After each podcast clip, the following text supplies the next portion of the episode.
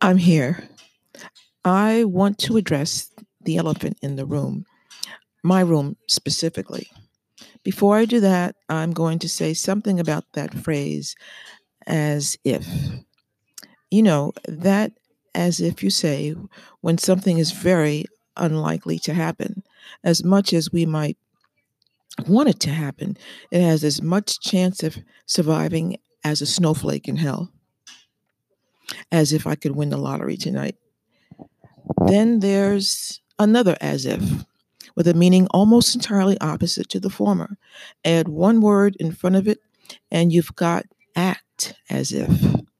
Here you haven't yet reached your goal or desired position maybe lack of confidence. So you act as if you are, as if you're in charge or if as if you're the boss or an award-winning actor all the self-help books tell you to act as if you are where you want to be. My elephant in the room, my podcast is the same title as Michelle Obama's bestseller, Becoming. As if anybody noticed that. As if I need to compare my becoming to Michelle Obama's. As if anyone's going to reach out and ask me to explain myself. I thought the title of the book, of Michelle's book, was Becoming Michelle Obama. That's different. But everyone is only saying becoming. So I guess that's the title. My title is be one word, coming another word. Becoming two words. Not one for a specific reason. I think I covered in an earlier episode. I'll have to check that.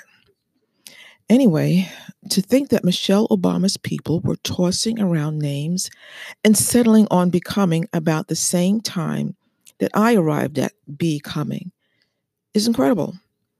And they debuted simultaneously. I think I went public before she did though, as if anybody cared. For a moment, I thought about changing the name becoming. I didn't want it to sound cheesy or fake or uh, like a copy.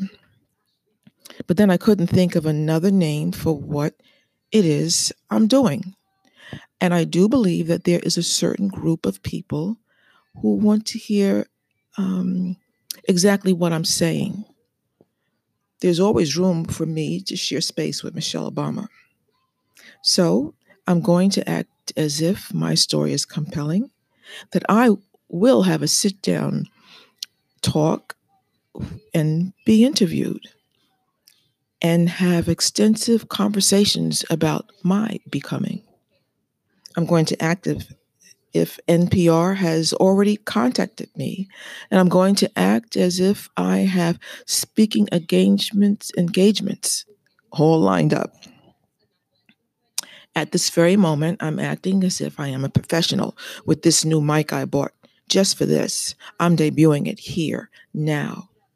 That's acting as if big time, sort of like in the old days when you took a hairbrush and made believe it was a mic and you were a star singing your heart out.